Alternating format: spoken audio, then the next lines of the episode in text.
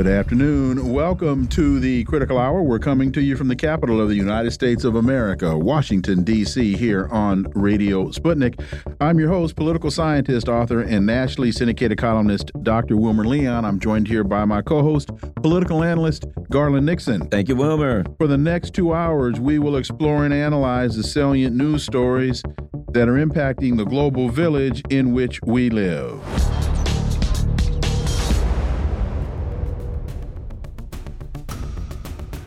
Polls show that U.S. voters oppose the Biden administration's support for the ongoing slaughter in Gaza. Joining us to discuss this and much more, we have Dr. Mohammad Marandi. He is a professor of English literature and Orientalism at the University of Tehran. Dr. Marandi, welcome back to the Critical Hour.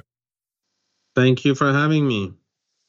Consortium News, a great site that I might uh, add that I, I check daily and I certainly recommend, has a, um, uh, and, uh, you know, in all transparency, I'm also on the board of directors for the Consortium News, but it is a fantastic site. That's why I chose to join uh, the board has a great article U.S. voters support permanent ceasefire in Gaza. 67%. That's 67% of Americans of all political affiliations want the U.S. to join the international call for a permanent ceasefire, according to a Data for Progress call. What we're seeing here, Dr. Marandi, is that the ruling elite of the United States are not representing the people. The people are not interested in, in, in, genocide. The people are interested in a peaceful resolution. They see the Palestinian people as humans, as their brothers, and uh, the ruling elite are a brutal and violent gang. Your thoughts?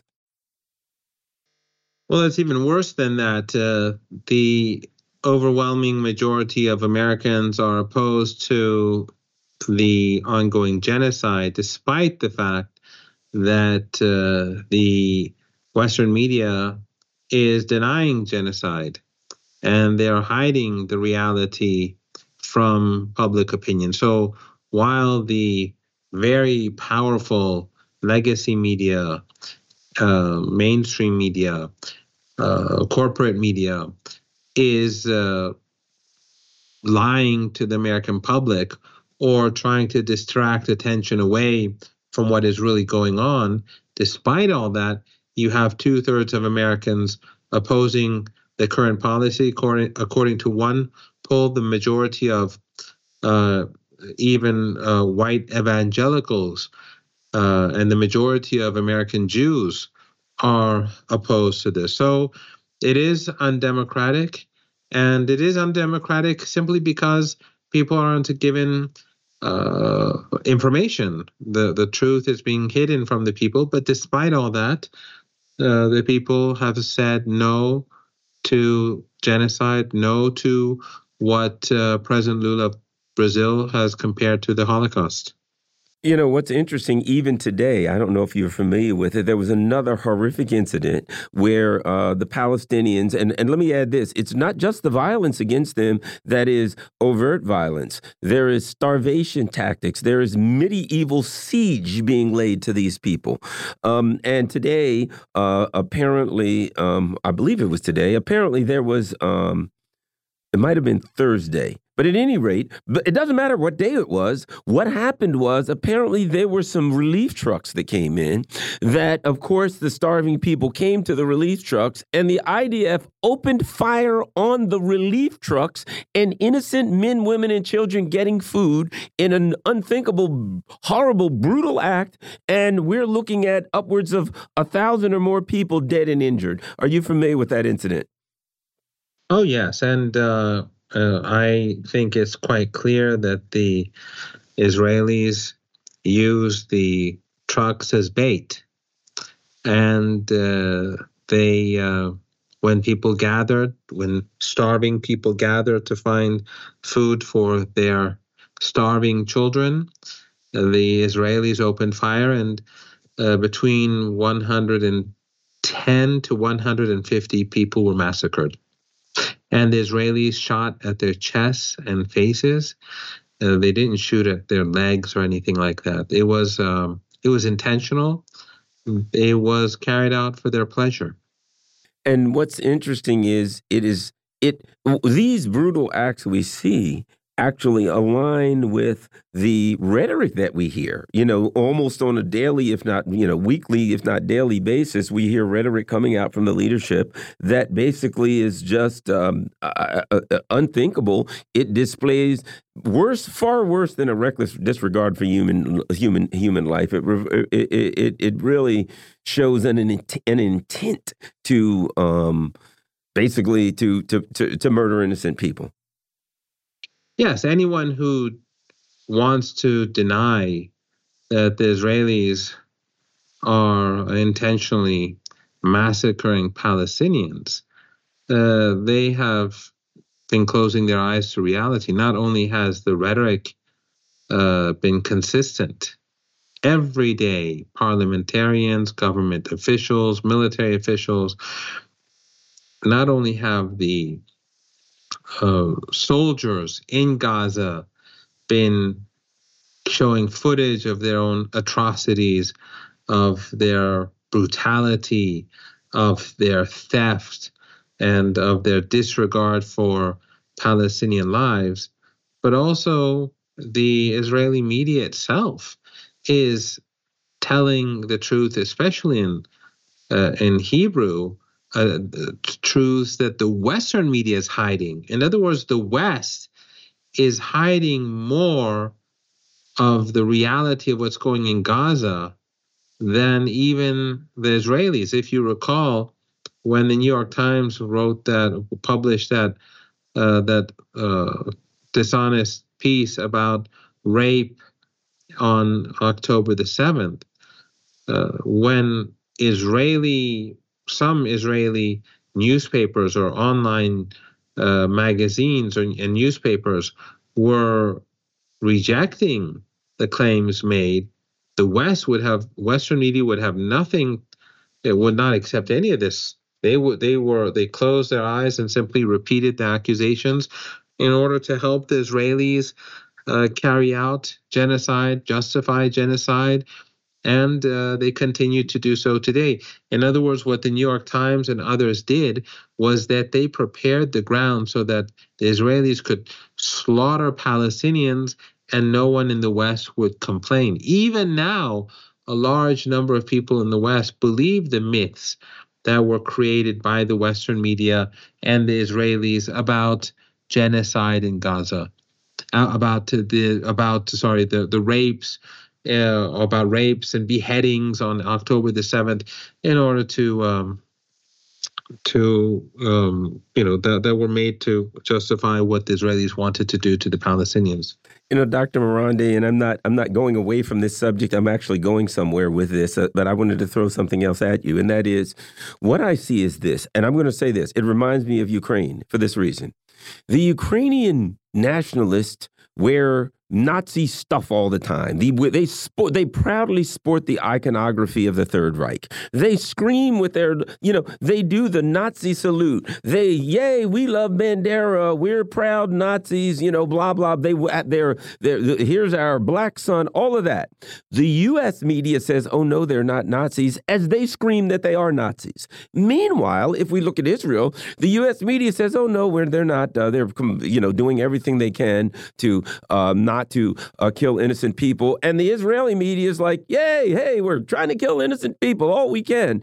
It's like the media, oddly, it's the same dynamic where the US media says the people there are proud of what they're doing, and the media has to stop the American people from knowing that the ruling elite of our country are supporting people who are proud to be Nazis and supporting people who are proud to say that we're killing um, tens of thousands of civilians and we'd like to kill tens of thousands more. In their own media, they admit that. Your thoughts? That's exactly the reason why the United States is not a democracy. That's why it's never been a democracy. If people are not allowed to have information, if they're not allowed to know what's going on, then how can they make decisions based on their knowledge how can they make objective decisions based on what they're hearing if they're all if people are being managed if they're being uh, fed information that's that's uh, divorced from reality and then they choose or they make decisions based upon that information. That's that's not democratic. That's a, a brainwashed society that uh, will do as it's told, as as it's as the people who uh, control the information uh, want them to react. So whether it's you and, and you're right, it's the same both in Ukraine as well as in Palestine. In Ukraine, they supported the Nazis. They were talking about the Nazis during the coup and after the coup. They they spoke about the Azov battalion uh, and right sector and and all the other uh, fascist groups that were influential in the new regime. They were openly talking about them. And, but then later on, when the war started, they started to take a completely different course. They denied that these groups were fascist, even though, as you pointed out, there's footage of them, there's footage of ordinary school children being uh, taught to uh, respect the or to use the Nazi salute or to uh, respect fascist uh, symbols and, and or, or, or historical uh, icons of, of fascism. Uh, that, but we see it. But it's people like yourself, me, and your audience that who are politically uh, engaged and who seek uh, information from uh, from different sources that know this. Ordinary Americans, they just maybe turn on the TV for a few minutes to see the nightly news, and that's where they get their information. So they they are brainwashed, and uh, but it, but even despite that, the what the Israeli regime and their Western allies have done to the people of Gaza is so horrific that it is reaching it, eh, the, the, the, at least parts of the truth are reaching a broader audience. And that's why so many people in the United States want a ceasefire.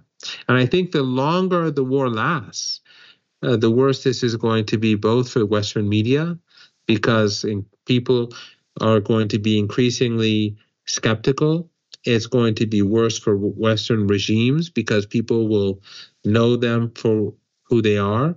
And it is going to be very bad for Israel. So the irony is that while the Israeli regime and its allies in Washington are the ones who are preventing a ceasefire from taking place.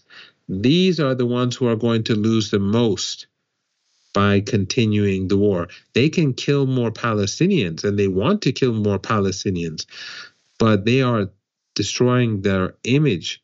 They're destroying uh, their legitimacy in the eyes of those who thought they were legitimate previously across the world.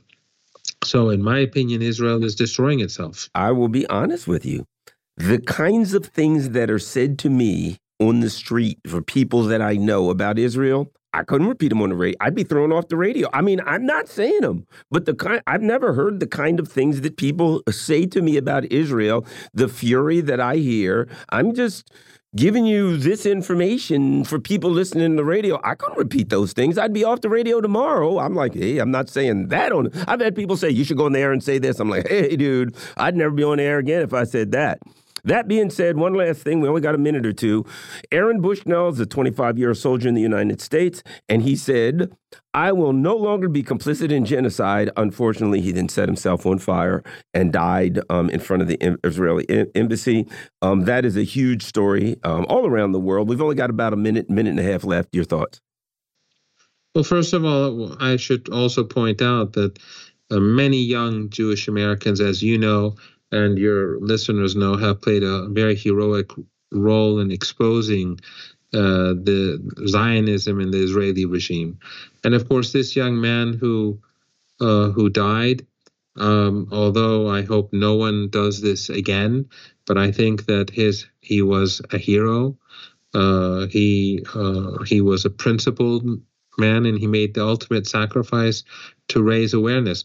I would never ask, I would never, I, I don't think anyone should do this, but since he's done this, we should not let uh, let his voice be drowned out, and we should not let Western media try to discredit him he was clear about what he was doing, and uh, I hope that uh, he's in a much better place today. Dr. Syed Mohammed Marandi is a professor of English literature and Orientalism at the University of Tehran. You're listening to the Critical Hour on Radio Sputnik. I'm your host, Garland Nixon. More on the other side. Stay tuned.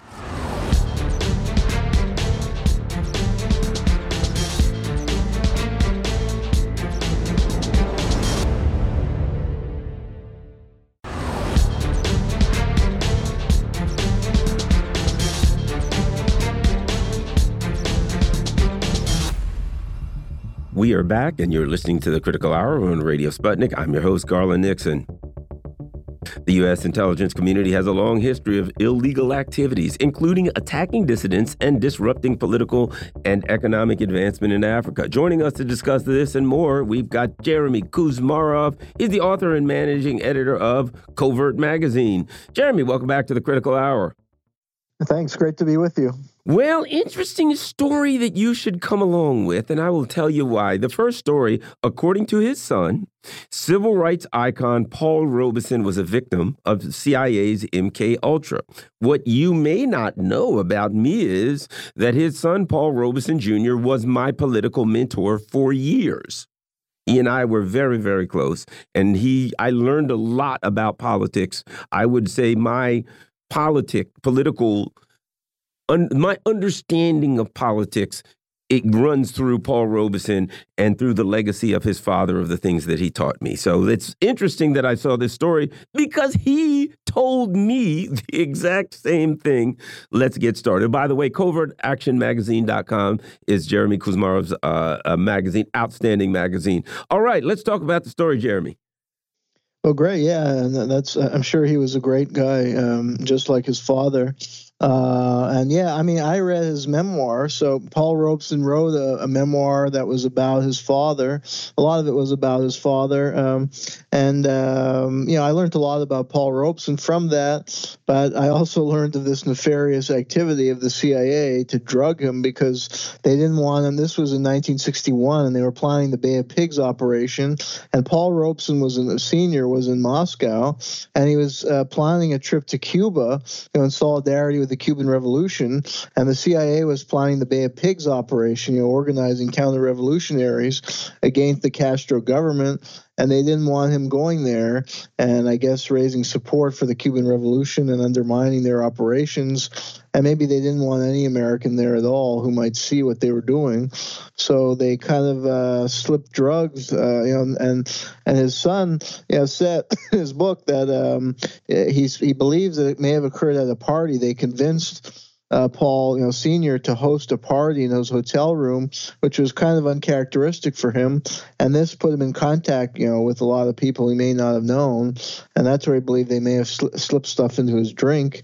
And then, you know, he was put in the care of these psychiatrists who had worked in the MK Ultra program and had, uh, you know, you can trace the links of their funding uh, to like the Society for Investigation Investigation of Human Ecology, which was a front for the CIA Operation MK Ultra. And I think more broadly, not just a visit to Cuba, but they just, you know, uh, Paul Robeson Sr. was a great civil rights leader who was inspiring, you know, uh, African American to stand up for themselves, and he was, you know, an international figure, respected internationally and connecting the plight of African American with Africans, supporting decolonization movements, speaking out against U.S. empire and wars like Korea. So they wanted to subdue him, you know, sedate him and shut him up, basically. So they, uh, yeah, they drugged him. Right. Yeah. And they sent him to London and they gave him those electroshock therapy. Um, and the bottom line was, though it didn't kill him, you know, he was never the same afterwards. And, you know, we see the history of it. We see what happened to Paul Robeson Jr., uh, Paul Robeson. We also, if you look at Martin Luther King, what happened to him, you know, it's pretty suspicious uh, uh, that the killer of the, the guy who killed Martin Luther King then went to Canada. Then he went to England. Then he was heading to Rhodesia, just a general guy who decided he was going to kill um, Martin Luther King suddenly became a globe hopper, going to, you know, what was essentially a British protectorate. We see re recently um, one of the guys, uh, there was a New York City police officer who was involved with um, the uh, basically Malcolm X murder, saying the FBI was involved. When we look at that period of time, it certainly appears that anyone who was either of a revolutionary nature or working on behalf of, say, black freedom movements, black equality movements, they were targeted by the U.S. government. Absolutely, yeah. And, and, Covert Action has done a series on political assassinations, and I did uh, an article on Martin Luther King Jr. and it drew on the uh, work of William Pepper, who was James Earl Ray's lawyer, the accused assassin. And uh, over years and, and deep research, uh, he found very clear evidence that James Earl Ray uh, was set up as a patsy, that they even helped break him out of prison, and, and that this was orchestrated by J. Edgar Hoover and the FBI, uh, who Martin Luther King dead, and there are you know documents where they you know had tried to get King to commit suicide, and you know Hoover would rail against King, and yeah, they even they had in their pocket prison officials uh, in Jefferson, Missouri, and they had them escape from prison because you know prison escapee would be totally dependent on the people helping him, uh, you know, because otherwise he'll go right back to jail. So he had to do exactly what they told him and be in the place exactly where they said, uh, and that was to set him up. And the real sniper, it's kind of like the Kennedy assassination because where they claim they assassinated King from this hotel room, it was actually logistically impossible because you know it was from a rooming house across the street where Ray was staying. They said that's that's where he had shot King on the balcony of the hotel where we were staying in Memphis. But actually, uh, investigation showed Ray would have had to have been hanging out the window and some somehow fired with pinpoint accuracy when he was a terrible shooter, and that the real shot shots came from much closer in the equivalent of the grassy knoll, and these were people in the pay, in the pay of the FBI and who knows what other intelligence agencies or military, and they just set set Ray up. So, yeah, I think there's a huge amount of evidence that's come to light uh, uh, that makes clear your point that there was a syst- systemic campaign to target these black leaders, uh, to kill them or uh, do what they did to Robeson, and in general, I think you know they, they targeted the Kennedy Kennedys as well When the Kennedys started moving to the left politically, they took them out too. So, and, and look where we are today a much more conservative uh, politics dominating with the removal of all those liberal leaders in that era. The other thing is, I think that if you look at Robeson, it is particularly salient today because they have revived, you know, the um, the the the the Cold War with the with not that it ever really went away, but they've you know with with a violent fervor. And if we look at, for instance, Omali Yeshitela with the um, African uh, uh, uh, African People's Socialist Party, it's a small group, but a but a, but a group that you know they do really what do they do? They're in the black community. They're building basketball courts. They're training people who get out of prison how to get a job. They're doing they're they're bringing fr uh, fresh vegetables marts to poor black neighborhoods. They're doing all these kinds of things. And they're saying, you know, you're being had by the government. They're a bunch of liars and criminals and, you know, uh, uh, uh, violent people we see the government going after them. So I think it's important for people to understand what happened to Paul Robeson uh, in light of the situation we find ourselves in today, Jeremy. Absolutely, yeah. And in both cases, they red baited them. You know, Robeson uh, was hauled before the House of American Activities Committee, which was you know the body of the you know of Joseph McCarthy and people like him who were trying to attack usually political activists of various stripes that you know claim that they were communist agents or Russian agents and to demonize them. And uh, I mean they, they ended up seizing Robeson's passport and he was kind of branded an enemy agent and uh, you know he uh, he had been in Moscow, uh, and that was the reason they accused him because he took a trip to Moscow. And I mean, it's the same with Yeshitela. Those are the charges they brought against him that he's somehow a Russian agent. As you say, he's done a lot in the black community, and he's been outspoken social justice advocate for years, and, and they're doing the exact same thing. And so, yeah, they use this Cold War, and that's why I guess the political elites uh, push this, you know, anti-Russia line so much because they can use it to suppress uh, dissident groups or, or, social justice groups domestically while pressing ahead uh, with a war against Russia that benefits the so called military industrial complex diamond magnate with deep ties to U.S. intelligence who is behind imperial machinations in Central Africa is left out of the history books. If you could uh, explain that story to us, also co at covertactionmagazine.com. Okay, well, this looks at uh, Maurice Tempelsman, who's, yeah, most people wouldn't recognize his name, but he's one of these key backroom players in U.S. foreign policy for years. You know, he's donated millions and millions of dollars to the Democratic Party. Although at one point he was supporting Eisenhower, but then he shifted uh, to supporting the Democrats more.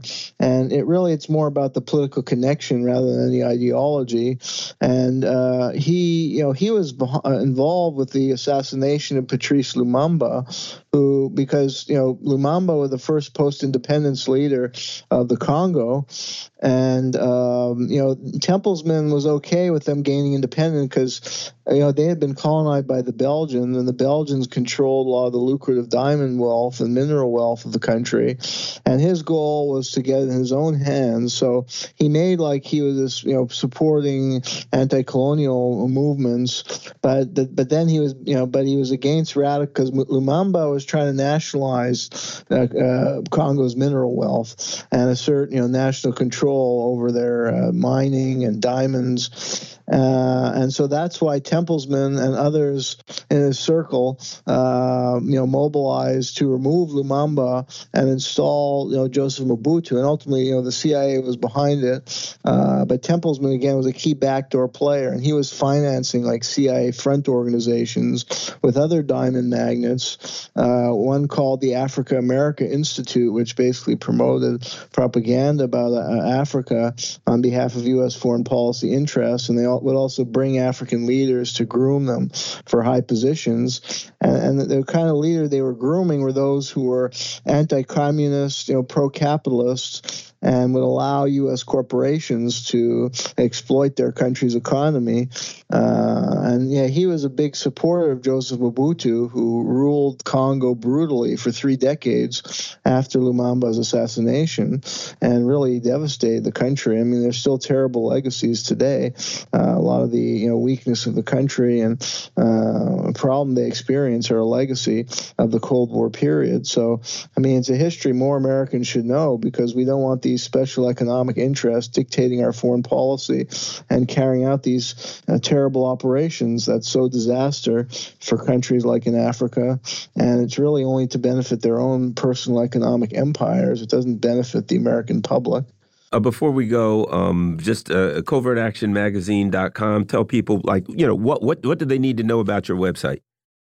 Yeah, please check us out. Uh, the, the magazine was founded by a CIA whistleblower named Philip Agee, and we're devoted to yeah trying to expose covert uh, operations and some of the kind of nefarious uh, underpinnings of U.S. foreign policy with the hopes of raising more public awareness and generating a, a reform movement to ch- transform U.S. foreign policy in a more peaceful direction. CovertActionMagazine.com. Jeremy Kuzmarov, fantastic work you all do do there. And everyone, go to the website regularly and uh, do everything you can to help support it. You're listening to the Critical Hour on Radio Sputnik. I'm Garland Nixon. There's more on the other side. Stay tuned.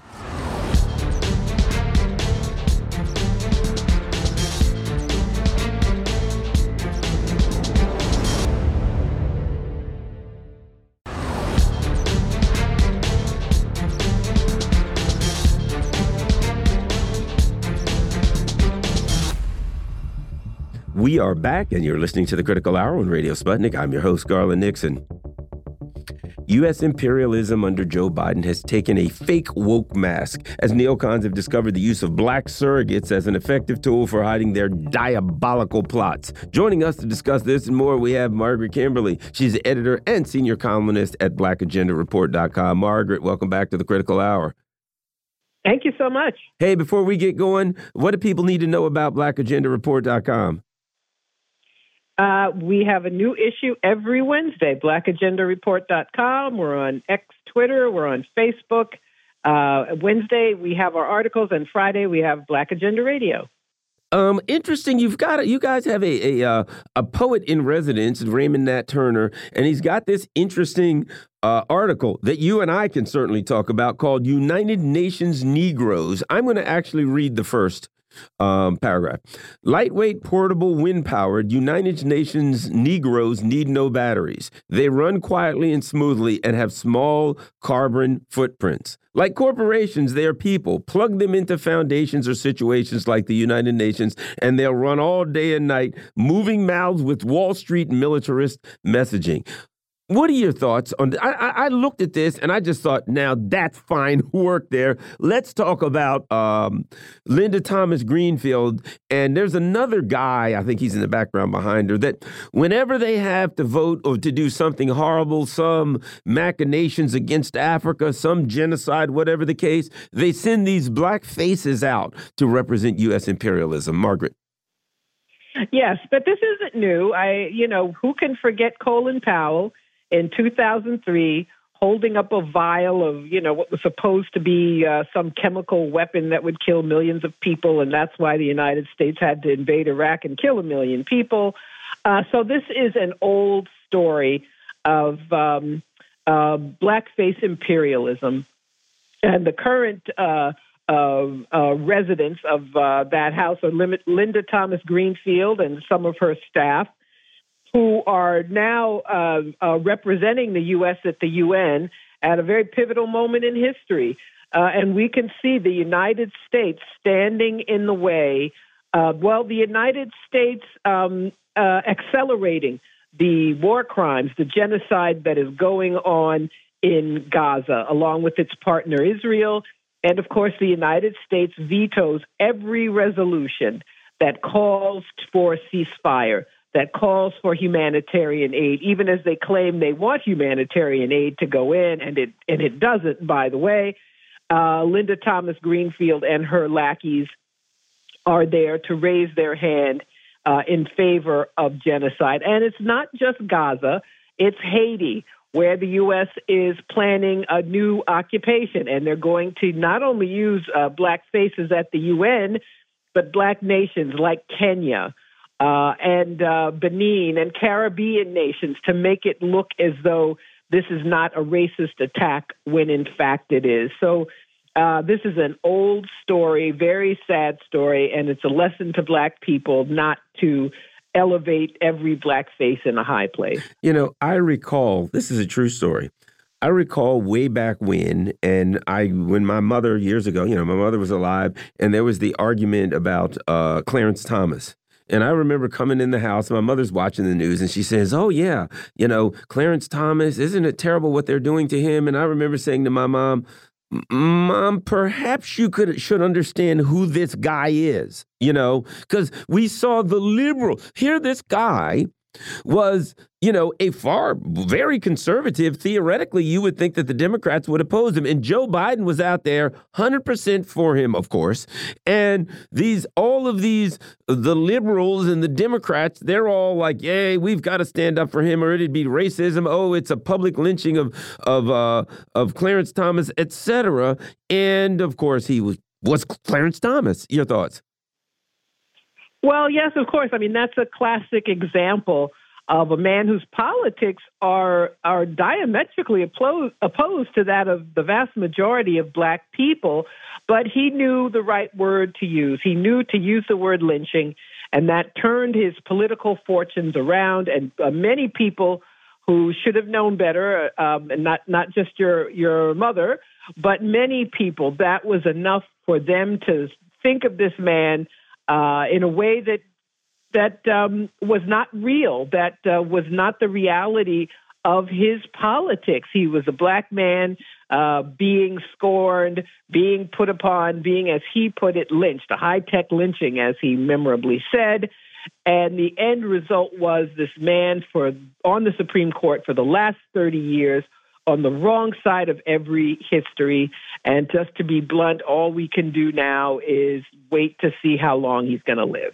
That's pretty much it. You know, the other uh, the other thing that comes to my mind is um, the vice president they've gotten to a point now in U.S. imperialism that I mean, she's like West Asian, whatever. That they will find someone that has some semblance of Af history of African American somewhere in their family tree, and then they'll use the word of color. They don't even say it's a black person anymore. This is a woman of color, and then they'll throw this person out there, and we're supposed to support them. I remember when they first chose Kamala Harris, I went on this person's podcast, a black woman, and she was so, oh, this is great, a black woman. And all the the, the other people that I were on there were with, they were like, yeah, but Kamala Harris, we got some issues with her. We're not supposed to say that. We got issues with her. But look what we have someone so blatantly incompetent that you know, it's embarrassing to not just black people, to the entire country.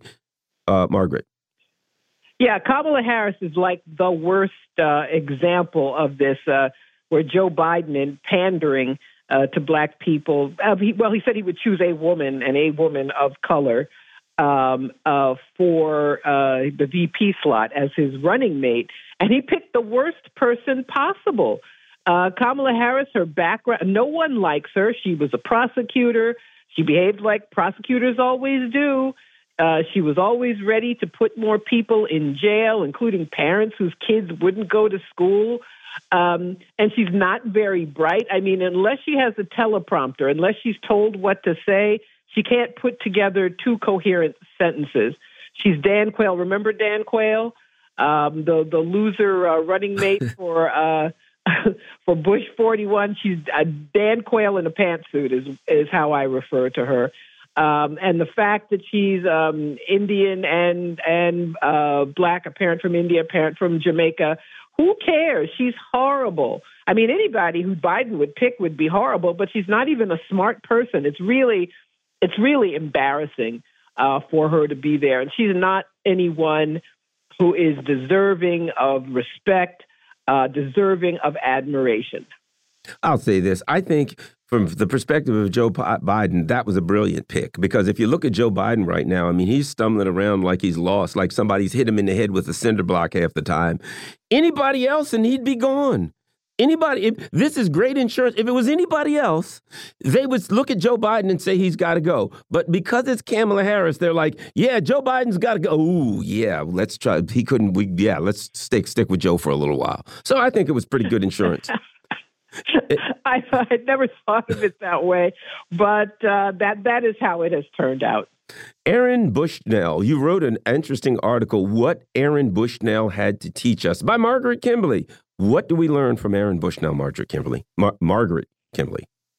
Yeah, the young Air Force uh, active duty uh, airman who self immolated at the Israeli embassy in Washington, D.C. Uh, on uh, Sunday, on the 25th, who, as he uh, died, said, Free Palestine until he collapsed, who fortunately videoed himself, told us why he was doing it, or else he would have been disappeared. Someone self immolated at an Israeli consulate in Atlanta in December and was literally disappeared. The person was never named, identified. We don't know where they are now. Uh, but it's it is sad to me that this uh, young man saw this as his only out to bring attention to the plight of Gaza. He said in his video. This seems extreme, but it's nothing compared to what the people of Gaza are experiencing.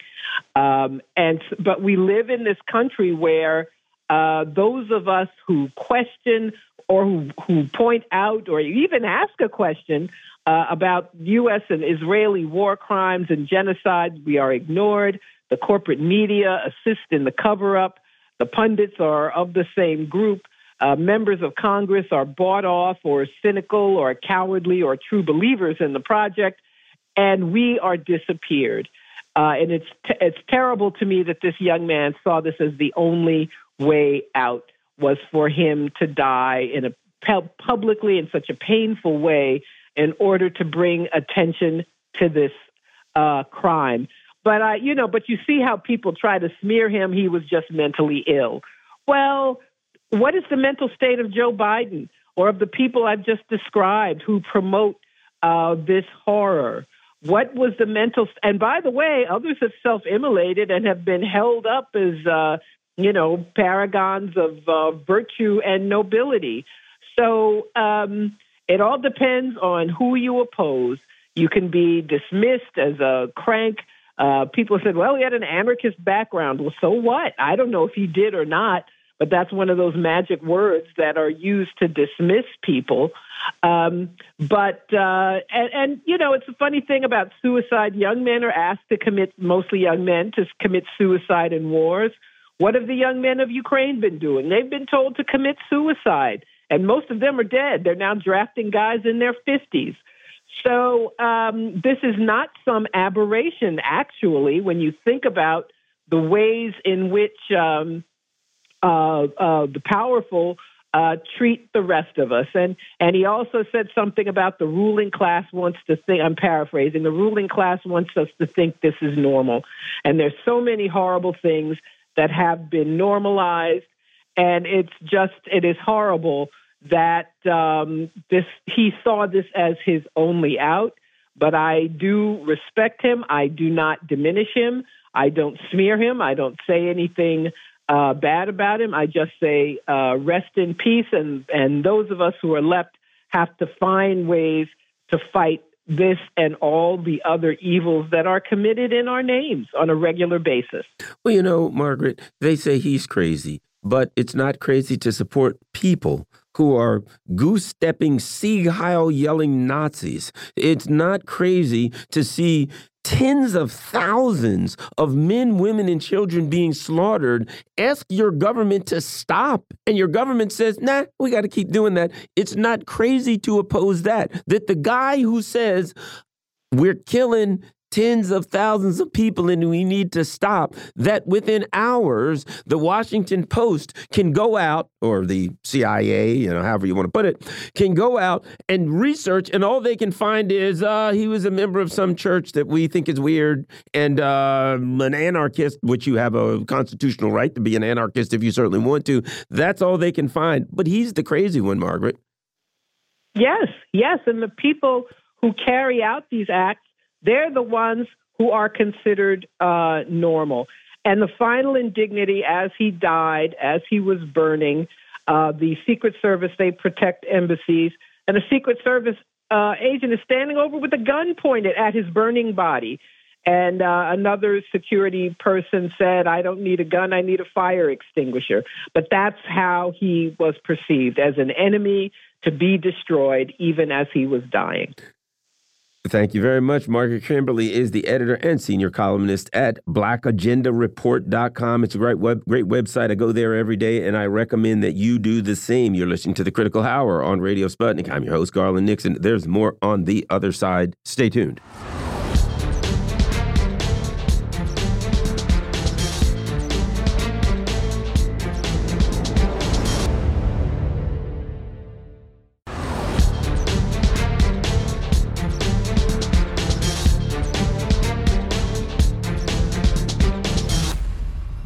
We are back, and you're listening to the Critical Hour on Radio Sputnik. I'm your host, Garland Nixon.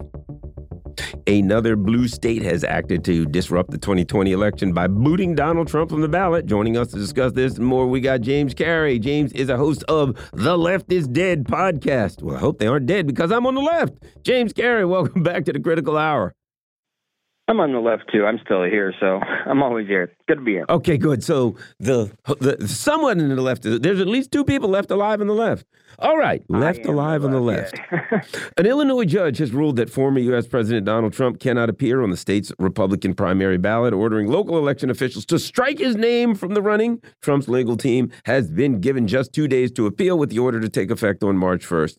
Before I wax about this, your thoughts on this, James? I mean, what what the thoughts to have at this point? You know, Maine has tried to do this. Colorado's tried to do this. Obviously, that's all going to the Supreme Court to be challenged, which has a conservative majority at this point, which may not have elected to hear Trump's lawsuits in the you know in the 2020 election and things like that coming from Rudy Giuliani. But I think this is a much more thorough and planned out lawfare by the Democratic Party and you know the blue states um, to essentially do what Trump probably would have wished he had done in 2020. to remove, you know, remove people from the ballot and, and remove him from the ballot in this case. Um, I think that it's not going many places, but in Trump's already winning the primary. I mean, everyone else has been crushed. So if you're just getting off the primary ballot, it's done there. But I, I see it as an empty show. It doesn't really do much. Um, I don't think the Supreme Court's going to take this anywhere seriously. I think it'll be kicked. You know, it'll be kicked out. Um, I think the Democrats are really well. I think they're trying something, but I, I it looks desperate. But again, this is not too far off from what we've seen from them before. And I mean, as we're going to get into the other stories here, I think it's important to remember that uh, the last Democratic primary, um, the Democrat uh, elite did some shady things too, where they made sure that Biden won. So now they're trying to rig this uh, Republican primary in a similar way from the outside, but I don't think it'll be as effective because obviously, like trying to remove Trump from the ballot like this on the Insurrection Act at the state level, I don't think really holds up because I think the federal government would have to find him guilty of that before any state's going to be able to push that through the Supreme Court. Yeah. Well, you know, let's go back to 2016 and Bernie Sanders when the WikiLeaks yeah. information came out and we found out that they pretty much robbed Bernie okay, for Hillary. Why? Because they were because they were running Hillary, and who's going to vote for her, right? 2020 comes along, and Ber Bernie's running, and Barack Obama was quoted yeah. as saying, and he never denied it, that if it looks like Bernie was going to run away with it, he'd have to step in. Meaning, if the people actually decided that the hoi polloi, the great unwashed, that would be us, actually decided that they wanted Bernie instead of uh, Biden, he'd have to step in. And lo and behold, just before Super Tuesday, they pulled their machinations. And now you look at it exactly 77% of Democrats are in favor of a ceasefire. 80% of Democrats are in favor of uh, Medicare for all, but it's the other 10% that run the party. What you have now, to me, is a party that not only doesn't represent their constituents, but acts in opposition to their constituents. In that context, it makes sense that they would do everything they can to stop the democratic process because let's face it, if most of the, your own voters don't support you, you got to do something to make sure that the voters don't decide, uh, James. Yeah, and that's exactly what I was going to bring up. If you want to look at, I, I think this would actually be a great bipartisan place for the Republican base and for the Democratic base because look at what, like you said, in 2020, uh, you know, Obama makes the phone calls before Super Tuesday. Mayor Pete, Amy Klobuchar, all of you get out of here. Liz Warren, you hang in until like the day before you have to disclose, you know, who gave you the super PAC you promised not to have, and you know, drag it through Massachusetts and everything like that. So you're seeing, and these are things that were, you know, these are undemocratic methods that the parties applied. And in 2016, obviously, the WikiLeaks showing how much the party was in favor of Hillary. Uh, it shows that this is a pretty standard tactic for them, and I think that if there's anything that Democratic voters should be able to re- relate to on with, related to as far as saving democracy goes, as, uh, with the right wing in this country, is that it's this: the Democratic Party pulls out all stops. You know, they're going to pull out all the stops against RFK now with the SEC filing. Um, obviously, the fact that RFK is polling at 15 percent, I don't think that's going to be. They'll change the debate rules. You know how it goes. They've yep. changed the debate rules before. You know, Gary Johnson probably should have been in a debate at some point. Even I'm not a huge fan, but he should have been there. So, I, you know, the elections commissions will change these rules no matter what they have to do to try and keep people out. And it really shows that on a larger scale, you know, this expands out to everything. Like you said, health care. I mean, even people voting on abortion in red states against Republican leaders, you know, trying to ban it and things like that. You're seeing overall the base of both sides of these parties uh, probably agree on more things than they realize. And it's really the fact that they're not allowed to participate in any way that actually allows them to express that. That is uh, both making this a really apathetic election, as far as you know. I don't voter turnout may have been higher in these states right now in these primaries, but I think that the voter apathy is really up. You know, these are two unpopular candidates. They were unpopular in 2020. Biden was unpopular in his own primary. But I think it shows that if there is something, you know, that we can agree on, that it is that they don't want to hear your opinion. If you oppose something like the war in Israel, which most Democrats do, um, or the war in Ukraine, like a lot of Republicans do now, there's nobody to care. When a bunch of people opposed the war in Iraq, nobody cared. So I, I think you're just seeing the real elitism and the fact that it's not us who controls the democracy. It's it's money, it's foreign influence, and you know whether you want to. Some people will say it's Russia, but I mean it looks a lot more like Israel and places, you know, the Gulf states and stuff like that to me. But I think you're just seeing, you know, people are further realizing that this doesn't offer them anything. Not only does it not offer them real outlets and real policies that they want, the things it does offer them are essentially culture wars or some type of bias things where it's oh, we're going to blame it, you know, the plane blowing open on being woke, or like we're we're going to blame it on, you know, if you talk about the plane being blown open, you hate Joe Biden and you're making Trump's life easier, you know. So there's no solution like, hey, maybe the Boeing 737 shouldn't be sucking passengers out the side door. The solutions are just you're either being bad or you know the other side's being too woke and bad. And I think that the fact that nobody's being offered any solution to the things they can see further immiserating them and degrading around them has just really put the United States in a place where voters don't believe too much in any of this.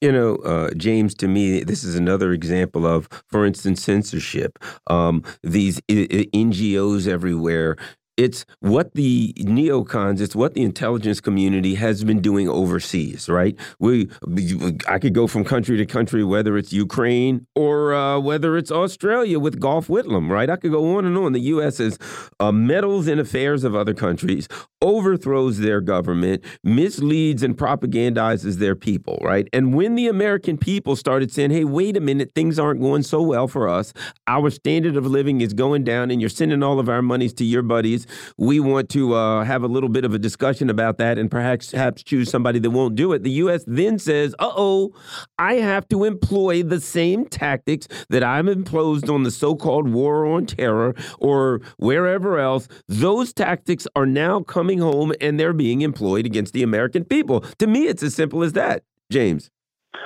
Yeah, absolutely. I mean, look at Imran Khan is in prison, right? And his former the former opponent who had lost favor with the Pakistani intelligence services and our allies in the Pakistani intelligence services is suddenly back in its good graces, right?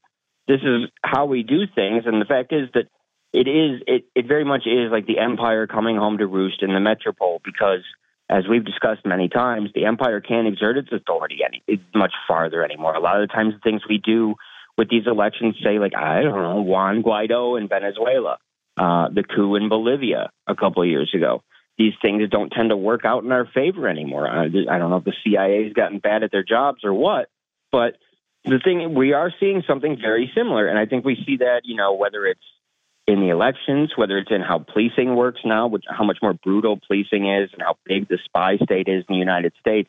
These were all methods perfected overseas, and as you've run out of places to exploit and run out of control in these areas, you're going to try and control the last thing you can, which is the metropole. This is Rome, you know, basically receding back from England and leaving the aqueducts empty and trying to just hold the holy city, right? And, and it's come back to this point where the system inside the United States isn't working because the way we see things outside the United States falling apart just makes everybody realize why are we involved in all of this?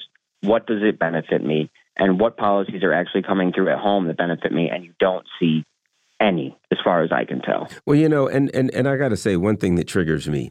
When people start talking about January 6th and they say they attacked our democracy. The thing that always that triggers me because I always have to ask the question, you really believe this is a democracy? There was in fact a I don't remember if it was a Princeton, I think it was a Princeton study a a a a uh, an intellectual study that demonstrated that this is an oligarchy. It's not a democracy. You ha you have to have a democracy before somebody can actually attack it. Yeah, I think the January 6th guys' crimes was that they believed they could still influence democracy in some way by popular will. I mean, but there was millions of people out in the streets to protest the Iraq war, and nobody stopped that, even though it was all based on a lie, right? These policies just sort of ignore it. But at the same time, to say they're not afraid of, you know, whether it's misguided or not, to say they're not afraid of crumbling democracy too is the same thing. And again, I think it's because you can see the absolute apathy that the ruling class and their moneyed interests who really do decide these elections. Because I mean, let's be frank, it's whoever has the most money wins down ballot elections and usually presidential elections, although that's shifted oh. up over the past two years. Well, James, we got to get but, ready to jump out. James Carey is host of The. Left is Dead podcast and a friend of the show. You're listening to the Critical Hour on Radio Sputnik. I'm your host, Garland Nixon. There's another hour on the side, on the other side, coming back with Dr. Nicolai Petro.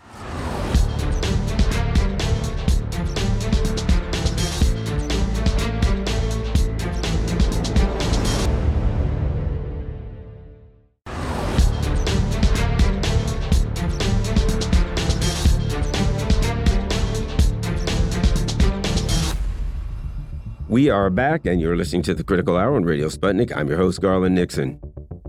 The possibility for a diplomatic resolution of the Ukraine proxy war is remote. However, our next guest has been working on this issue for years and will update us on his work. Joining us now to discuss this, we have Dr. Nicolai Petro. He's a professor of political science at the University of Rhode Island.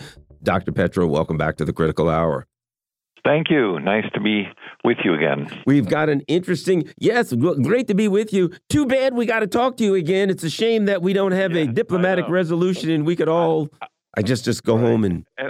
I look forward to the day when I don't have to talk about the remoteness of peace in Ukraine. Yes. Well, you got a great article. People can find that at, it looks like peacediplomacy.org. Peacediplomacy.org. It's by Dr. Nicolai Petro.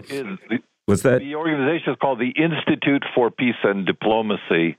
And if people enter that, they'll it'll come right up. The Institute for Peace and Diplomacy. That sounds like my kind of organization. The um, article is The Russo Ukrainian War Enters Its Third Year, an ideological investigation by Dr. Nikolai in Petro. Let's talk about it. We're in the third year. And one of the things that's interesting right now is that we seem to be seeing what I'll call somewhat of a uh, military collapse along the. Uh, I'm not saying how long this is going to take or whatever along the contact line. We're seeing extreme instability in the political sphere. We're starting to see economic pushback, and we're starting to see a lot of things coming apart at the seams in Ukraine. What that means, I don't know. But what are your thoughts on on how these new dynamics are going to affect what's going on, with Dr. Petro? Well, I've always felt that uh, the issue will be decided once there is a consensus between military and political leaders on all sides that the battlefield fight is over. In other words, they've all looked at the the battlefield planning and said, "There's no way, you know, we we can win or lose." So at that point, once there is that recognition on all sides, then we know what we're talking about in terms of negotiation. We're we're finding out uh, what concessions need to be made to the other side, and that'll be acceptable uh, for a peace settlement. But I'm afraid that we're not there yet, and the evidence that I would cite is um, Zelensky's astonishing figure of only 31,000 battlefield casualties for Ukrainians and uh, six times that many for the Russian side. When uh, a year ago, uh, U.S. intelligence analysts leaked to the press that Ukrainian battlefield casualties, again, a year ago, were close to 100,000 and uh, they estimated Russia's at twice that. And uh, most independent military analysts give figures that are in the hundred, hundreds of thousands, low hundreds of thousands range for Ukrainian casualties, uh, and um, and much less actually for uh, the Russian side. So we have such a wide uh, order of magnitude disparity between these figures that it doesn't seem like either side is willing to to say uh, that they're close to coming to an understanding of what's happening even on the battlefield. You know, Dr. Petro, one thing is obvious to me. When I listen to, I mean, come on, 30, 31,000, that makes no sense. When I listen to um, you know, when I review this and I see the the, the the the myriad of opportunities for a resolution, and when I hear the you know the Victoria Nulands of the world, the neocon type people, you know, let's keep going with this, got to keep pushing, you know, and the reckless disregard for the lives of the young Ukrainians, you know, the the concept that they're running out of Ukraine. I'll put it like this. It seems like this. NATO's running out of Ukrainians. They treat them like they're dispensable and disposable. And to be quite frank, in a proxy war, the proxy soldiers are disposable. Your thoughts on my comments? Yeah, yeah. It's it's despicable and and odious when you read someone like uh, Thomas Friedman in the New York Times and various senators, uh, starting most notably with Lindsey Graham, saying that this is a good deal for the United States. This war is a good deal for the United States. Look at all we're accomplishing geopolitically, containing Russia, destroying its enemies, and not losing a single American soldier. Okay, but what about our allies? They don't count? Apparently not. And that's that's something that I think is beginning to sink in to the Ukrainian leadership, the actual political leaders of Ukraine today. They're beginning to understand that their role in America's geopolitical strategy is as cannon fodder. And uh, to the extent that it does begin to sink in, they may begin to think along the lines the transformations we've seen the thinking of the person who, at the beginning of uh, last year, was still um, a senior advisor in the Zelensky government, Alexei Arestovich. And now he says, you know, Ukraine should start thinking about its own national interest and not being a pawn in some other country's national interest. Well, you know, even the Azov people, they call themselves nationalists. There's an implication if you're a nationalist that you're concerned about your own nation. But here are my thoughts on that. And, and, and, and I really believe this. I've been making this argument for some time. I believe that there will come a time, maybe months, maybe years from now, when the Ukrainians' fury will not be directed towards the Russians, that they'll wake up one day and say, We've been had. They'll wake up one day, the United States will do what it tends to do. It will exercise what I call the Samsonite option, where they will pack their bags and leave like they did in Vietnam and leave like they did in Afghanistan, leave like they do every time when things get, you know, when they that one of their projects starts to go. And the Ukrainians will be left holding the bag. They'll be left looking at Europe. They'll be left looking at Russia saying, We don't have any food. We don't have anything. Help. And at that point, I believe the time will come when the Ukrainians will recognize that they've been had and who they've been had by, and their anger will be probably at the EU somewhat, but even more so at the US at the US at the US. Your thoughts? Yeah, I, I tend to agree with that view, and you already see it percolating in uh, unofficial statements. I think Simon Shuster's book, uh, the biography of Zelensky, uh, mentions that as well. You know, he he's been reported, President Zelensky, in the Western press uh, as being tremendously frustrated and uh, and and even angry at the West for making promises that it didn't fulfill. And of course, when it when it doesn't fulfill the promise made at when the Istanbul Accords collapsed, when Boris Johnson said, "Let's fight to to Vladimir Zelensky instead of signing uh, this Istanbul um, treaty and ending the war. Let let's fight." Uh, Boris Johnson was saying that we will we will support you to the hilt, but in fact, uh, not he wanted the Ukrainians to die for this cause, and and then what he didn't anticipate, of course, or maybe he did, who knows, uh, that he had no intention. There would be no opportunity to actually come through and provide uh, these weapons. I guess there's a certain uh, element of surprise in the West at how how much the Russian military industry and economy has outperformed the West in this competition. Um, but not to take that into account now is just a, a continuation of what has to be called now a strategic blunder by by the West and the United States.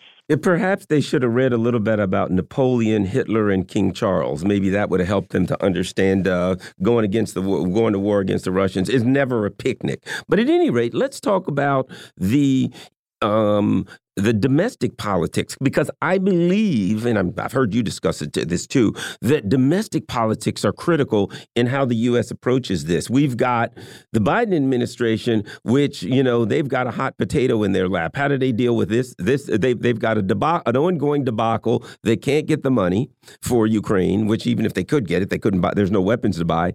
Now you've got the Republican Party, at least the House, firmly in the grips of a very powerful Donald Trump right right now who is running away with the primaries, and they're basically saying, no, we're not, we're not letting you out of this one.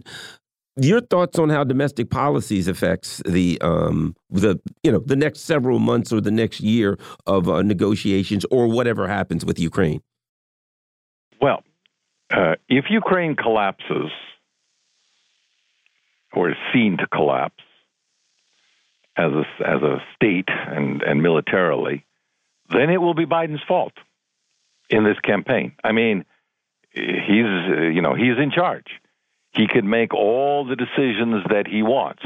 And the argument, by the way, that the Republicans didn't allow us to fund is nonsense.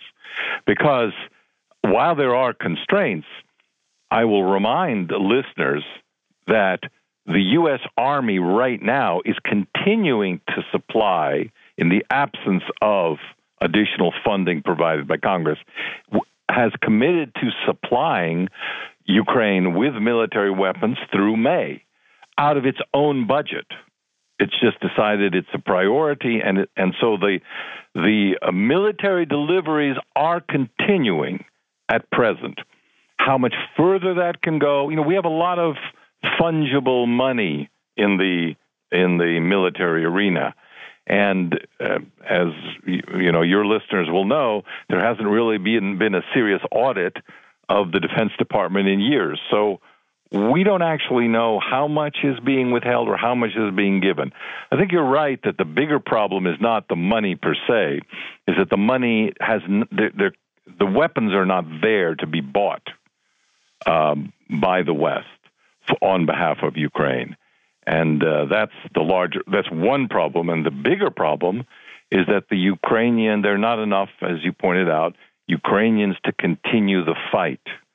And there, it's, it's almost in unconceivable that the next mobilization will get anywhere near the roughly 200 to 250,000 that they're now hoping for, which is much less than the now removed uh, commandant of the Ukrainian military Zaluzhny asked for, which was 500,000.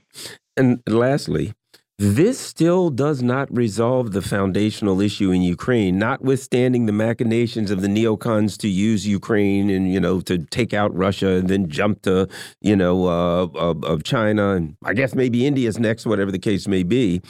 Um, this still doesn't resolve the internal issues in Ukraine.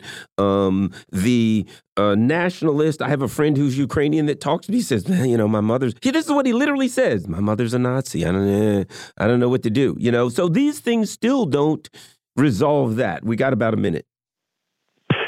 Yeah, the, it doesn't resolve the fundamental problem that we have a government in Ukraine which is trying to create a monocultural state at a time when the rest of the world is moving toward pluralism and uh, pluriculturalism, sometimes called multiculturalism. That's a strength in most countries. And uh, the Ukraine is moving in, a, in an entirely different direction and alienating a significant part of its own population in doing so. So there's no good outcome for that internal policy. Thank you very much. We've been talking with Dr. Nicolai Petro. He's a professor of political science at the University of Rhode Island. You're listening to the Critical Hour on Radio Sputnik. My name's Garland Nixon. Mark Sleboda coming up next. Stay tuned.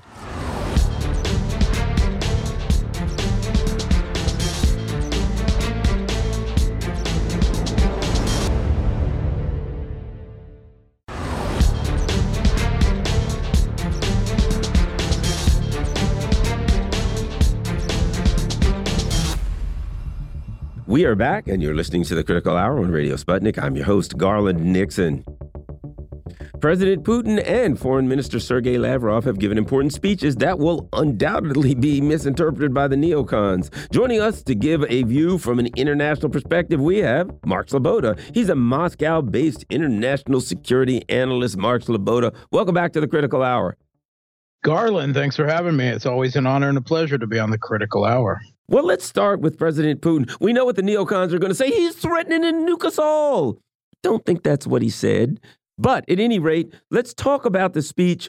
You know, you're in Moscow. What you're hearing, the forget them with the whole "he's going to nuke us all" crap. If he just if, if President Putin just walked up and said, "Hi, have a nice day," they'd scream, "He's going to nuke us all." So from your forget that. What are the important points that Mark Sleboda got from the president's speech? Well, exactly to your point, headline British press, Daily Mail. Putin makes direct threat to nuke, capital letters, the West, as he accuses NATO and the U.S. of preparing to strike, quote unquote. They Russia said they were preparing to strike. Yeah. Oh, I'm sorry about that. I got a little carried away. Go ahead.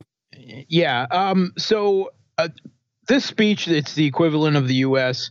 Um, State of the Union speech, right? Uh, both both houses of the Russian legislature, the top military brass, government ministers, top religious leaders, uh, uh, organization leaders, everyone's there, right? Everyone uh, who matters. Um, and um, uh, in this speech, um, uh, the first, first, I would say, half hour uh, of of it was two hours and nine minutes. The first half hour was devoted, I would say, to international issues, right? Uh, the other hour and a half was devoted to domestic issues. And for most Russians, uh, that is probably more important than the first half hour. Uh, and um, he laid out a number of he he used it not only to you know give the state but also uh, the state of uh, the Russian Federation, but also to lay out a uh, policy um, a prescription and um, goals for the next several years.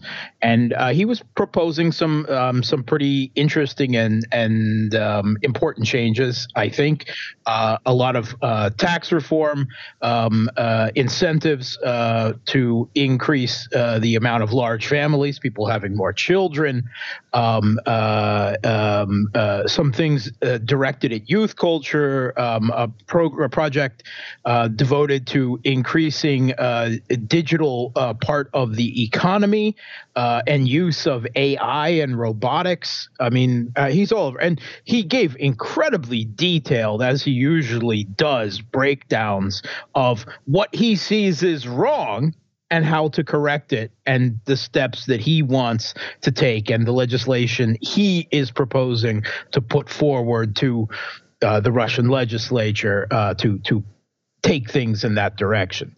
Uh, so, but um, it, in terms of of a, big uh, foreign policy issues, he spoke to this um, disinformation in the West about Russia putting a nuke in space, and he was quite frank that this was uh, this is you know just disinformation, and it's more about U.S. domestic politics uh, and the Biden administration trying to scaremonger more Ukraine military aid through the House of Representatives, uh, which I mean, that's pretty clear. Even even the, the, the, Republicans in the House of Representatives weren't biting at all on that one. So um, that one's a, a, a no brainer. Um, but he also spoke uh, very directly about these threats coming from NATO now. Uh, they're openly talking about directly sending NATO troops uh, into Ukraine. Their their proxy putsch regime having uh, failed uh, in their proxy war uh, on Russia, now, now down to NATO troops.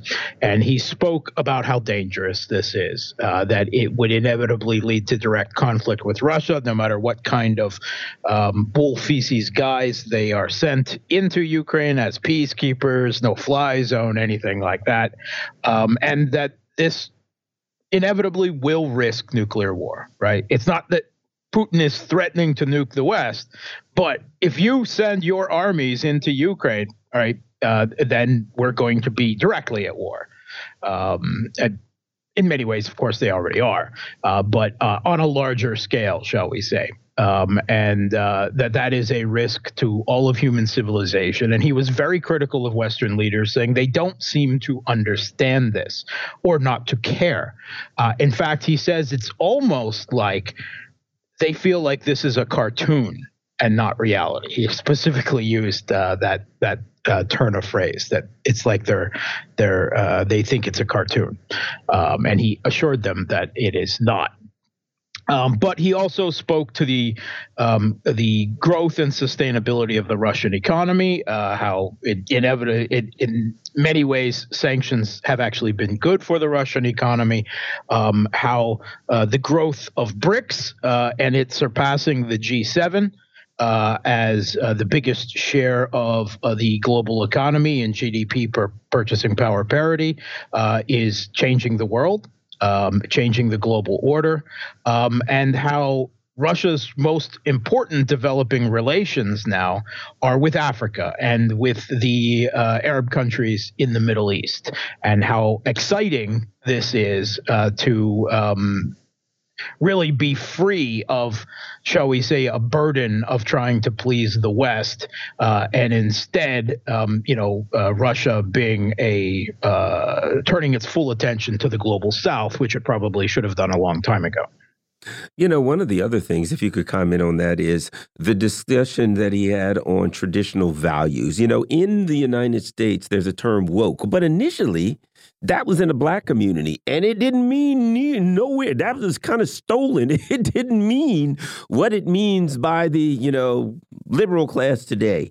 Uh, you, Cultural what, what, appropriation. Yeah, exactly. but at any rate, um, it had a sensible meaning. Now, I, I, guess it just means that there's an uncountable number of genders. I think that means something like that. At any rate, um, although I will say this, Mark, I've come to the conclusion there has to be at least three genders because we got to have one for Olaf Scholz. He certainly ain't a man as far as I'm concerned, so we got to come up with a gender for that guy. But at any rate, at any rate, traditional values. Your thoughts on um, his comments regarding that?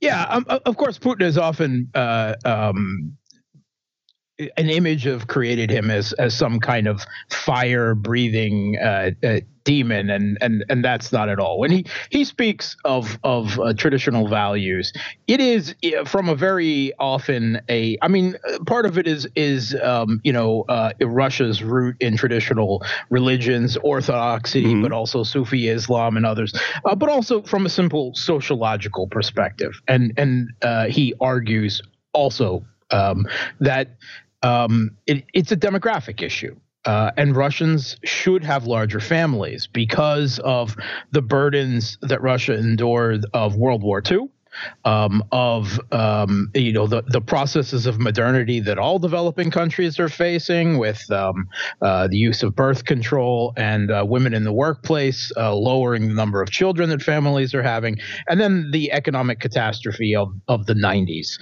uh, which uh, Westerners don't understand, but was the equivalent of three Great Depressions and and cost millions of Russian lives. And people stopped having children because economic conditions were so bad. Now, Russia has recovered to that to a large extent, but it still has to make up ground against that demographic narrowing. It's made good progress, but he keeps tweaking programs to encourage. And and part of of the whole idea is that a man and a woman should have children, and preferably, uh, if they can, and the government should encourage them to do so, should have many children. But um, it's not um, directed against, uh, shall we say, non traditional sexualities or anything in an aggressive way. Um, he has said uh, in the last couple of weeks, he's made comments like, uh, whatever they do at home, it's it's uh, you know it's no business of ours. It's no business of anyone's. Um, we simply uh, do not do not want the public promotion of um, such uh, identities, such lifestyles, uh, where they can affect uh, children, uh, because it is, no matter what, uh, some nonsense Western pseudoscience has said, more an issue of, you know, ingrained behavior, you know, um, nurture over nature. It's a, a, more micro experience and and so on. Um, so. Um, uh, and I think rightly, uh, you know, the idea is that most parents would prefer to have, shall we say, more traditional children who will bring them grandchildren, um, and uh, you know that's that's a conservative sentiment, but the majority of of Russian society is. In a social sense, if not an economic sense, uh, uh, you know, fairly moderately conservative, and uh, Putin is, I would say, very rational and moderate in his conservatism, uh, in in contravention to the view that it's uh, usually projected in the West. As as someone who comes from a left-ish background myself, um, I, I find instead it is the post the kind of almost transhumanist postmodern liberalism that has you know really taken over the West in kind of a, an almost um, uh, Salem witchcraft hysteria that I find more frightening uh, than um, uh, Putin's moderate conservatism. But I don't know. Maybe that's because I'm like 50. And what most of the you know Americans a lot of Americans don't understand is that in the black community in America, you got fairly traditional uh, a, a, social conservative bend that would probably align pretty much with the Russians when it comes to that to that um, those issues. And if you go to Africa, if you go to Asia, if you go to Latin America, if you go to most of the world when it comes to those kinds of issues. Now, unfortunately, there are some areas that have taken to the point where they're you know they're anti-gay or they're violent towards gay people or something like that. That's certainly unacceptable. But I'm just saying the position that is taken by President Putin probably aligns much more with the majority of the world than the um, you know, the wokies here in the US and and he spoke directly to that. He spoke of you know the majority of the peoples of the world and millions of people within Western countries share these traditional values with us. Right. I uh, also uh, understand there was some discussion of that there will be such as tax breaks. You know, we had something here like the a child tax credit or something that worked really, really well for children, that worked families. They were able to better feed their children, stop child poverty, blah blah blah. Well, you know they had to get rid of that one because it helped the little the little guys. Uh, but um, I understand that there was a discussion about something down that line being in the in the future in Russia. Yeah, I mean there already is. Uh, there there has been, and and even it's critics have admitted that it has had some positive effects.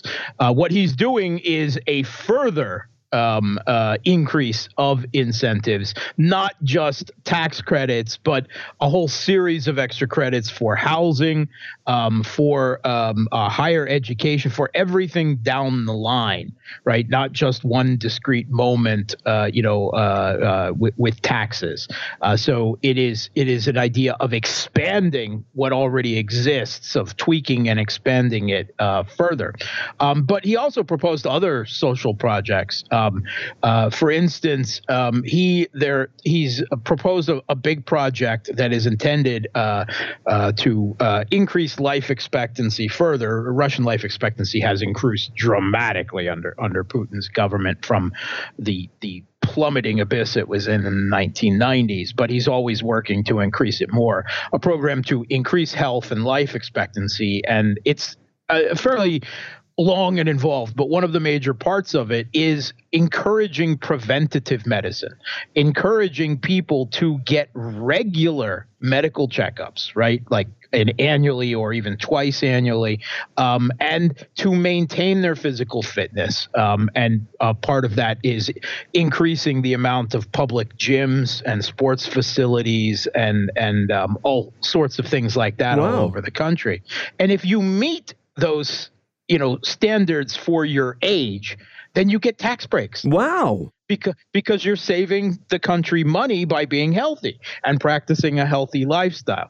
And that is a kind of it is a direction perhaps that wokeness could have gone but went down a different uh, uh, way instead saying that oh uh, obese is beautiful right? Which I mean, it's not to say that obese is awful, but I am uh, uh, I would say that reifying it is probably not a smart idea either sociologically. Uh, so this is very much a return to Soviet style um, uh, health practices. And I have to say, if you take a look at the medical evidence, particularly in the way Cuba has practiced preventative medicine, regular health checks, you know, uh, rather than the U.S., like you only dare go to the hospital when you are absolutely dying because it's going to bankrupt you, um, even if there it's a really good hospital.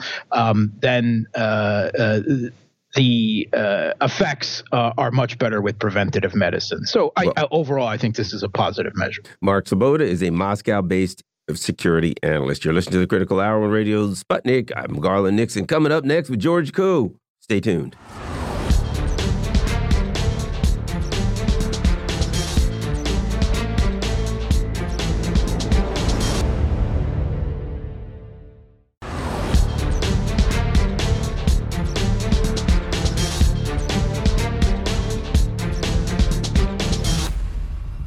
We are back, and you're listening to the Critical Hour on Radio Sputnik. I'm your host, Garland Nixon. The neocons have a diabolical plan to bring war and destruction to the Asia Pacific region. I think I was pretty blunt with that. Coming up next to, discuss that and more, we got George Koo. He's a journalist, social activist, international business consultant, and chemical engineer. George Koo, welcome back to the Critical Hour. Hey, Garland. Thank you very much. Glad to be with you. Always a pleasure. Here's an article that could have been written in uh, so many uh, countries that are run by the U.S., including the one I'm in right now. Why, when the majority of this is an article, by the way, Pearls and Irritation, this is John Menadue's uh, uh, uh, uh website, Fractured Consensus, Fabricated Facts, and the Truth of Western Wars. Why, when the majority of civil society opposes Australia going to war against China, and public confidence in the United States' will and capacity to defend Australia's declining, do successive governments pursue AUKUS and a war with China over Taiwan with such enthusiasm? A name comes to mind, and it's something like Gough Whitlam. At any rate, this is a great article. It's bringing up what we keep seeing. The ruling elite don't represent the people. The people don't want war with China. They want to live a happy life and make a good living and have 2.5 kids in a minivan and stuff like that. George Koo. well, first of all, I agree with you, Garland. I thought that was a very well written article. And maybe the author could have gone a step further and simply say, hey, what's going on in Australia is really a mere image or extension of what's happening in the United States as well. The sentiment of the majority of the people are not interested in the Ukraine war. They would like to see the killing stop in the Gaza there, you know, and most of them are very skeptical as to uh, why we should continue to have a confrontation with China. None, none of that benefit our family, our daily lives. You know, what will benefit us is if we can get the economy going and paying us a decent wage. Well, you know what's interesting is they talk about um, the writings of various neocons, and they say, you know, this one guy, Peter Hartcher, and they say he accused a rising China of becoming more oppressive at home and expansionist abroad. Here's the first part about that. You know, when I I live in the U.S. and let me tell you, uh, you talk about oppressive at home. You can't even. You, there are a lot. You know, there are a lot of things you just can't say. There are discussions that you can't have online, or you will be thrown off. If I look at the Uhuru movement right now, uh, uh, the uh, African People's Socialist Party, what evil do they do? They build basketball courts in poor black neighborhoods. They literally, their headquarters are in poor black communities. They um, have uh, uh, uh, um, uh, groups where when poor black people get out of prison, they teach them uh, skills so they can get jobs. They do things that should be lauded by the government, but nope. The government says they're a bunch of Russian bots. The FBI is charging them, and the leader is is is uh, facing like 75 years in jail for his evil deeds of helping poor black people in poor black communities. But yet, these neocons say China's the one who's oppressive at home. George. Well, the, we we we are facing a enormous uphill battle insofar as propaganda is concerned. I mean, there's no country that is more effective in putting uh, over falsehood, lies, distortions, exaggerations, fabrication than the mainstream media here in the West. And they get well rewarded for that. I mean, hundreds of millions of dollars are being allocated. Uh, the most recent number I saw was 500 million that the Congress is um, uh, in the process of allocating to mainstream media to report on anything and everything that's negative about China, to cast China as the villain, today's villain and, and tomorrow's villain. And, and for what purpose? Other than justify all the different actions that um, the um, Pentagon and the U.S. government is planning to make or has made on, on China to set them up at the next confrontation after uh, after we're done with Russia. Exactly, and you know, I it, here's something that I, would like to ask uh, your thoughts on the question of how you judge a government, right? You know, the U.S. The government claims, okay, we've got the greatest system, liberty, this, that, about freedom, things of that nature. But if you look at the at the at the numbers, the percentage of people that support or trust Congress, it's in single digits. The president, same thing. The media, I mean, none of these traditional institutions hit 20% or come anywhere near it, right? When you look at China, the people have been brought out of poverty, they're well fed, they're not homeless, etc how can the United States, you know, how do we, we're going to judge Russia, we're going to judge China and say they're internally have problems. But if you look at the polls, their, I'm not saying their governments are perfect or, or not perfect. Their people are much more supportive of their leaders than ours. Oh, George. Absolutely. And, you know, you can claim, and I've seen some statistics saying the popularity of the Beijing government is dropping. Now, heavens to Betsy, it's dropping, and the percentage they quoted was from 90% approval to maybe 80% approval. Well, I would like to see the day when the United States gets even 50% approval, much less 80. So it's it's it's a relative thing, and it depends on how you slant what you report and how you portray what's going on.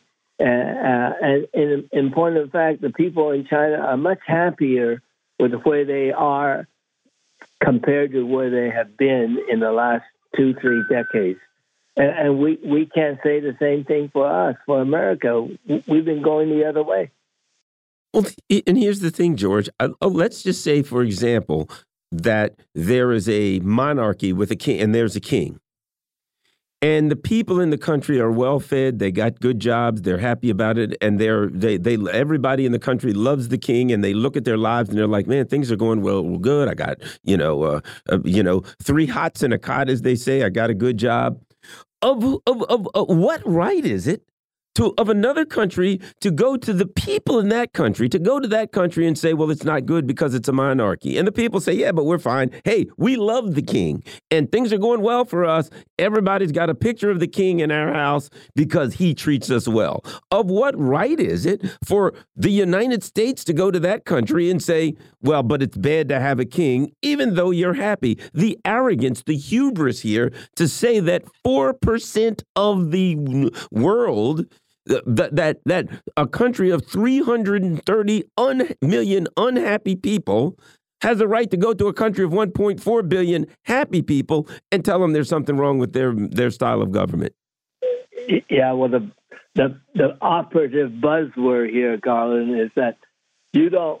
You know, we go we go and to the rest of the world that we that that are on the outs with us, and we simply say you don't have freedom and you don't have democracy. And what is freedom and democracy?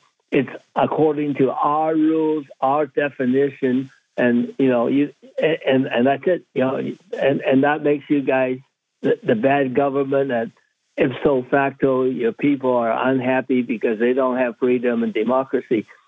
In point of fact, of course, um, we don't, we don't, we're, we're free to protest and go to jail, and we don't have democracy because the votes are already paid for by the by those who can write big campaign uh, donations, and are going through the polls is just a just a mere exercise um, and an excuse to say that to claim that we have democracy. There, it, has been a democracy uh, from for many years. Um, there's another uh, interesting article, uh, well, a, a, video the, in the South China Morning Post. And uh, Marcos Jr. says, We will not yield. Manila will not give up one square inch of South China Sea. You know, this guy's really starting to look like a neocon puppet. He's like, he's got a seat right next to Zelensky. He looks like he's throwing the Philippines under the bus, George. Well, clearly, he started out under Duterte's influence, the previous president, and was ready to join the Belt and Road with China and benefit from the um, friendly relations and the win-win type of um, projects and, and building. And then all of a sudden, he changed his mind after the defense um, secretary Austin paid him a visit, and he's completely gone 180 degrees, and now are really trying to be the leading candidate for a proxy fight with China on behalf of the United States he his his ambition looks like is to be the Ukraine of Asia Pacific, and certainly a very strong, viable candidate to take over from Taiwan, because the Taiwan people are not at all interested in joining a proxy conflict. Oh yeah, uh, that's the fact of the matter. It seems to me, you know, when I when I when I, when when I Sorry. Uh, I was just going to say when I think about him, I think about Zelensky, and it tends me to it, it, it tends to, to for me to believe that you know, maybe it was all an operation. Maybe getting this guy in the whole time was okay. You know, Zelensky came in, oh, I'm uh, for peace and I'm all peace. And then he gets in and he does the old flipperoo.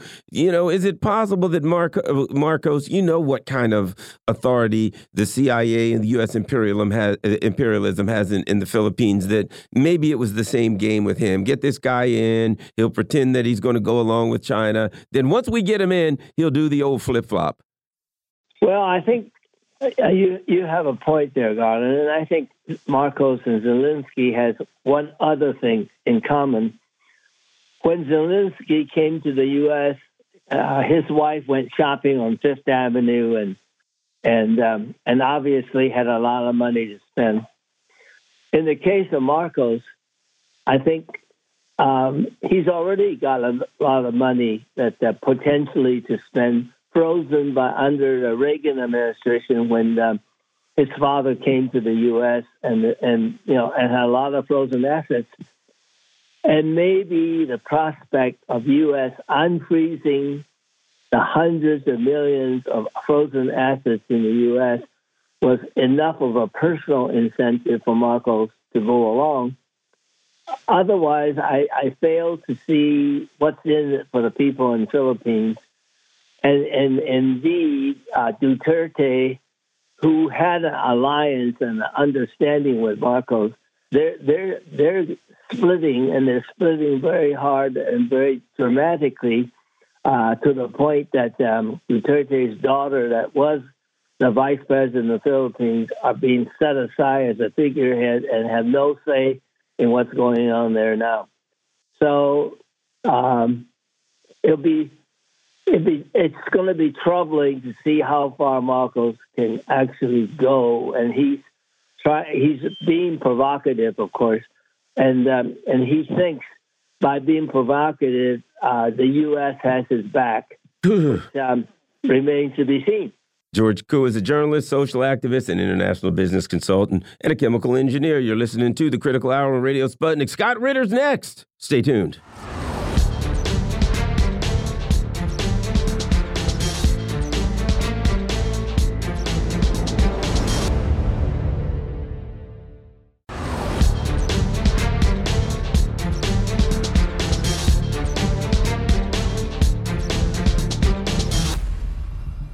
We are back, and you're listening to the Critical Hour on Radio Sputnik. I'm your host, Garland Nixon. The Biden administration is using U.S. military assets in various conflicts, and they are working to hide these illegal acts from the American people. Joining us now to discuss this, we got Scott Ritter. He's an author and former weapons inspector. Scott, welcome back to the Critical Hour. Thanks for having me. Scott, let's start with this. Interesting, and uh, the the the uh, the guy who um, the the man who uh, you know uh, committed suicide, self-immolated, uh, Aaron Bushnell. A friend said he had secret intel that U.S. troops are fighting in Gaza. But let me add this: I actually have that same intel. It's not so secret. The Intercept had an article the Biden admin, and this was January 11th. Biden administration deployed Air Force team to Israel to assist with targets. Document suggests guidance for officers deployed to Israel appears to show the U.S. military providing intelligence for airstrikes in Gaza. And Joe Biden took a picture like high fiving a bunch of special ops guys in Israel. It seems that that could be one of the things that upset this guy, but that's a whole issue. Anyway, your thoughts on that and you know the, the and put it all together. They're sending teams. They've got them in ukraine. They've got them doing war stuff all over the world and they're not going through congress. They're not in any way respecting the constitutional responsibility and accountability of the president scott ritter.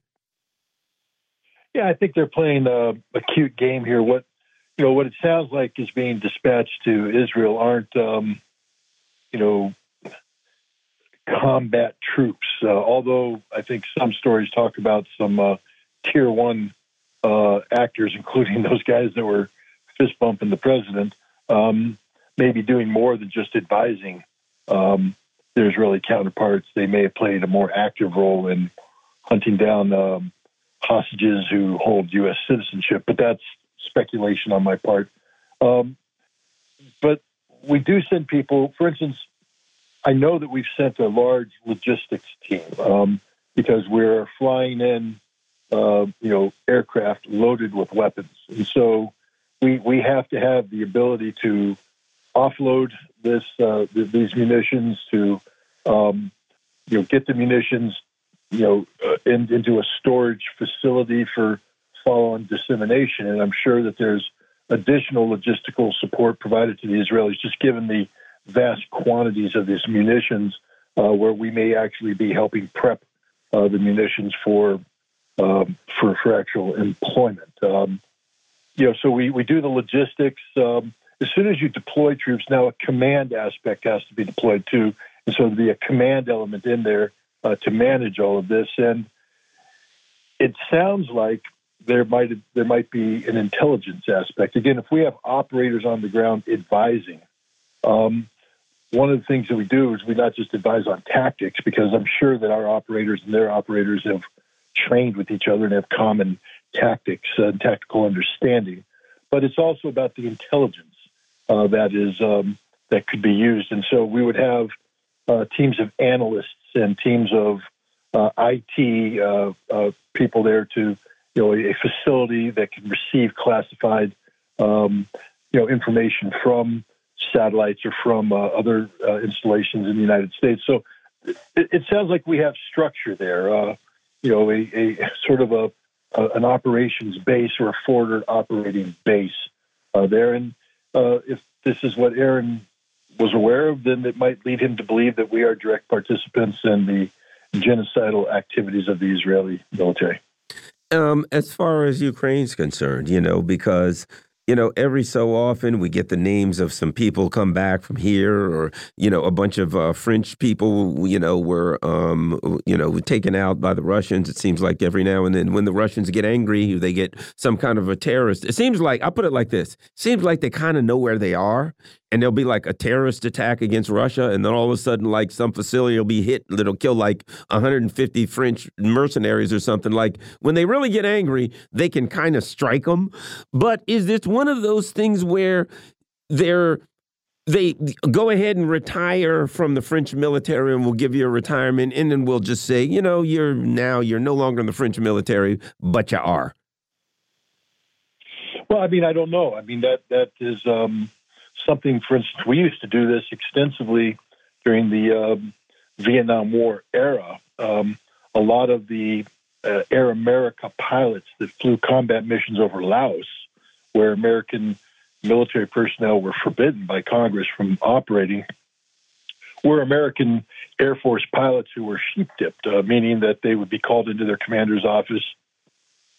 They would be discharged uh, from the Air Force, and then they would go into the next office where a CIA official would be, and they would be brought into Air America, and they'd go fly their missions. And then when their tour was done, they'd go to the CIA office and they'd uh, sign their documents uh, discharging themselves from the CIA. and They'd go over to their commander's office, and uh, he'd put them back in, and they'd get credit for their their time served. Um, you know, so we we we've done that in the past, and there's no reason for me to believe that we don't continue to do that to this day uh, in certain parts of the world. Whether Ukraine qualifies as such a region, uh, I don't know. We we know that the U.S. provides um, again significant uh, logistics support. Uh, we were told that some of this operates out of the U.S. Embassy, uh, and others um, surges in for short-term um, operations out of Poland, Romania, and uh, elsewhere. We um, are also led to believe that um, there is a certain amount of technical assistance that is provided as we provide the Ukrainians with uh, this modern high tech weaponry um, that we would have to surge forward um, people who can supervise, uh, can train, and can maintain. And again, this seems to be uh, an area where we could take advantage of personnel who have just recently left active duty, who have a relevant and um, and current skill set, and um, and we can bring them in on um, you know high paying contracts to to perform these tasks. Uh, it would be difficult for me to see active duty personnel doing things of this nature just because of the legal constraints and the political constraints. But having um, contractors do this is, is, something that's believable. France, I don't know how they operate. Um, there's reason to believe that during the Battle of Mariupol, there were active duty French personnel, some of whom died when being evacuated from Mariupol, others who were successfully evacuated at the behest of the French president, who begged the Ukrainians to get them out. Um, we had a recent incident where you know several dozen uh, French um, nationals lost their lives, uh, and some of them definitely had prior or even current uh, French, um, you know, military status. So I, I, don't know how they work. There, there's other rumors that that uh, Poland uh, sheep dips entire units, so they will um, basically go to their military and say who wants to volunteer for the Polish Legion, and people will check out of the Polish military, check into the uh, to the Polish Legion, um, and uh, then they enter Ukraine uh, in Ukrainian uniform. So we, we we we do have instances where Westerners are definitely heavily involved in the uh, in support of the Ukrainian military well, well, I would say to them, dying ain't no way to make a living, as uh, Clint Eastwood said in The Outlaw Josey Wales. Now, let me say this about the U.S., right? Having some training by the federal government in financial crimes.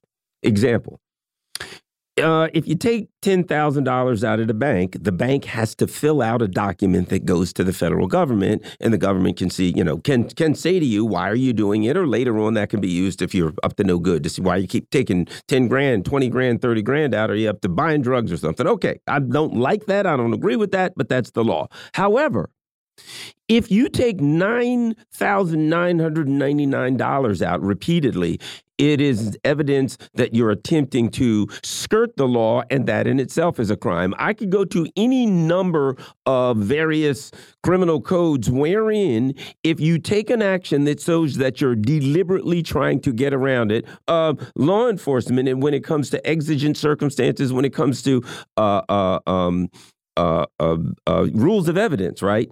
If you do things to deliberately get around the constitutional requirements, then that means you violated the Constitution. Here's my point.